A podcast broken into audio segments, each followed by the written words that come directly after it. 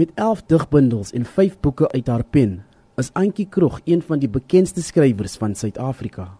Haar werk word egter ook elders waardeer en 8 van haar digbundels is in Nederlands vertaal. Sy besoek Nederland gereeld en sê die Nederlanders het 'n platform geskep wat die digkuns prys. Van my kant af is ek verskriklik dankbaar dat die Nederlanders voel ek het ook 'n bydrae tot hulle lewe gemaak terwyl ek self soveel put uit die Nederlandse kultuur en die land en die mense wat omgee vir die taal. Nederland het 'n sterk band met Suid-Afrikaanse kunstenaars.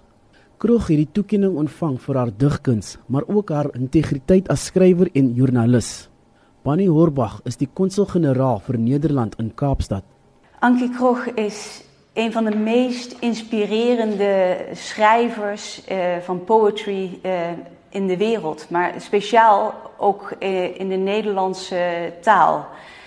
en zij heeft de Nederlandse taal beïnvloed en ze inspireert Nederlanders met haar poetry. haar werk raakt je in je ziel.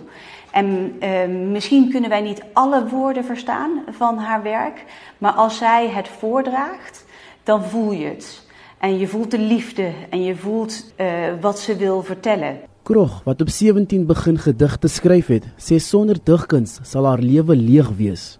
Sodra jy 'n gedig lees of 'n gedig hoor, aan die einde daarvan, dan het jou hele wese op 'n manier geïntensifiseer.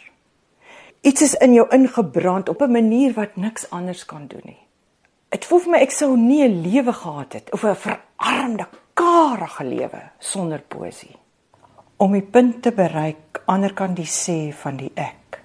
Die punt waar die ek so veeltallig is dat dit nie meer saak maak om ek te sê nie. Dat die ek nie meer sigself is nie, maar erkenbare veelvoude van die hopeloos beminbare skadu's van jou sleutelbeen. Krog sal die toekenning in April in Nederland in ontvangs neem. Ek is Koop in August in Kaapstad.